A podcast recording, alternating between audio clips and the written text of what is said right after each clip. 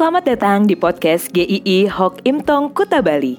Penginjil Ray Reginaldi akan membagikan renungan harian singkat untuk membawa Anda mengenal dan menyembah Tuhan Yesus, bertumbuh dan menjadi murid Kristus, serta berdampak untuk banyak orang. Jika Anda merasa diberkati melalui renungan ini, silahkan bagikan podcast ini agar orang lain juga diberkati. Inilah renungan hari ini.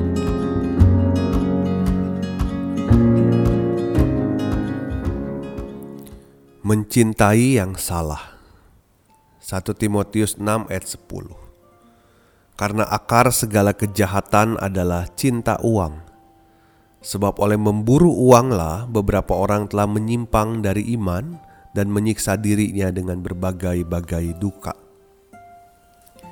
Timothy Keller mengatakan, keserakahan dan ketamakan sangat sulit untuk dilihat oleh kita sendiri. Keserakahan menyembunyikan dirinya dari sang korban. Cara kerja ilah uang salah satunya dengan membutakan hati Anda sendiri.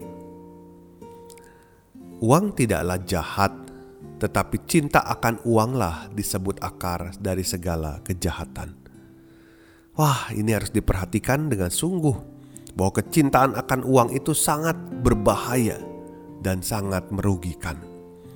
Kecintaan itu berarti ada keterikatan yang begitu dalam dan sulit dipisahkan. Kecintaan akan uang itu berarti uang telah menjadi segala-galanya di dalam hidup ini Uanglah yang menjadi junjungan di dalam kehidupannya. Uang adalah masternya, tuannya.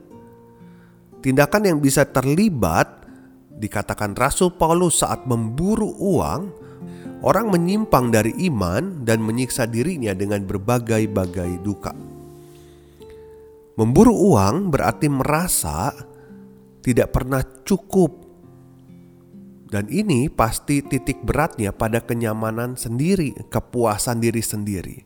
Memburu uang berarti terus-menerus mengejar dan mengejar, dan kita tidak pernah punya titik kepuasan. Kadang mengherankan kalau ada orang yang sudah kaya raya, lalu tertangkap karena korupsi. Uang itu diburu terus-menerus dan tidak ada habisnya. Kecintaan akan uang membuat orang menyimpang dari iman. Karena orang rela menghalalkan segala cara untuk mendapatkan uang lebih banyak lagi dan lagi. Di sini bukan dikatakan menyimpang dari hukum, tetapi dari iman. Jelas keluar dari jalur yang Tuhan tetapkan, lebih dalam lagi berarti mengambil jalan melawan Tuhan Kecintaan akan uang berarti tidak mencintai Tuhan lagi, dan itu akan menjadikan seorang yang menghalalkan segala cara melanggar hukum di sana sini. Di sisi lain, saat memburu uang dikatakan menyiksa dirinya dengan berbagai-bagai duka. Pasti berbeda antara bekerja keras dan menyiksa diri. Kita harus bekerja sebaik-baiknya dengan apa yang Tuhan percayakan tetapi beda sekali dengan yang namanya menyiksa diri. Kita rela mengorbankan segala hal, banyak hal demi meraih, meraup uang sebanyak-banyaknya. Dengan kecintaan akan uang, Anda bisa mengorbankan hal yang jauh lebih berharga dari uang, yang tidak akan bisa Anda beli sekalipun punya uang bertriliun-triliun. Mungkin Anda bisa memberikan persembahan dengan jumlah yang fantastis, tetapi tidak pernah bisa membeli relasi dengan Tuhan yang begitu indah. Anda juga bisa membelikan banyak hal untuk keluarga Anda, untuk istri, untuk suami, untuk anak-anak, tetapi Anda tidak bisa membeli waktu bersama dengan keluarga Anda.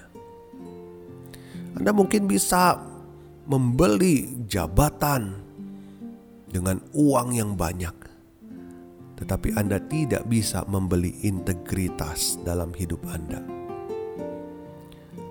Orang yang mencintai uang di satu titik akan melihat betapa sia-sia semua pengejaran yang dilakukan seumur hidup. yang tersisa hanyalah duka, karena banyak hal yang sudah hilang yang tidak bisa ditebus kembali. Timothy Keller menyebutkan lagi, bagi Yesus keserakahan bukan hanya cinta uang, tetapi terlalu khawatir akan hal itu. Ingatlah hidup kita ini ditentukan oleh Tuhan dan bukan oleh uang. Uang tidak bisa menjamin hidup kita. Tuhanlah yang menjamin hidup kita. Tuhan mau setiap kita mengerjakan yang terbaik, tetapi bukan menundukkan diri untuk menyembahnya. Maksudnya, menyembah pekerjaan, menyembah uang, tetapi hanya menyembah Tuhan. Nilai hidup kita bukan ditentukan dari berapa banyak uang yang kita miliki, tetapi karena kita sudah dibayar oleh Tuhan Yesus dengan harga yang tidak bisa dibayarkan oleh siapa pun juga, maka nilai hidup kita adalah di dalam Kristus yang sangat-sangat indah. Maka hiduplah mengucap syukur dengan yang ada. Semuanya itu pemberian dan pemeliharaan Tuhan bekerjalah dengan giat untuk Tuhan, supaya orang-orang melihat siapa Tuhan yang kita percaya, dan berbagi berkatlah kepada orang lain. Jika Anda dipercaya, Anda juga harus bisa mempertanggungjawabkannya di hadapan Tuhan. Sampai berjumpa di episode selanjutnya. Tuhan memberkati.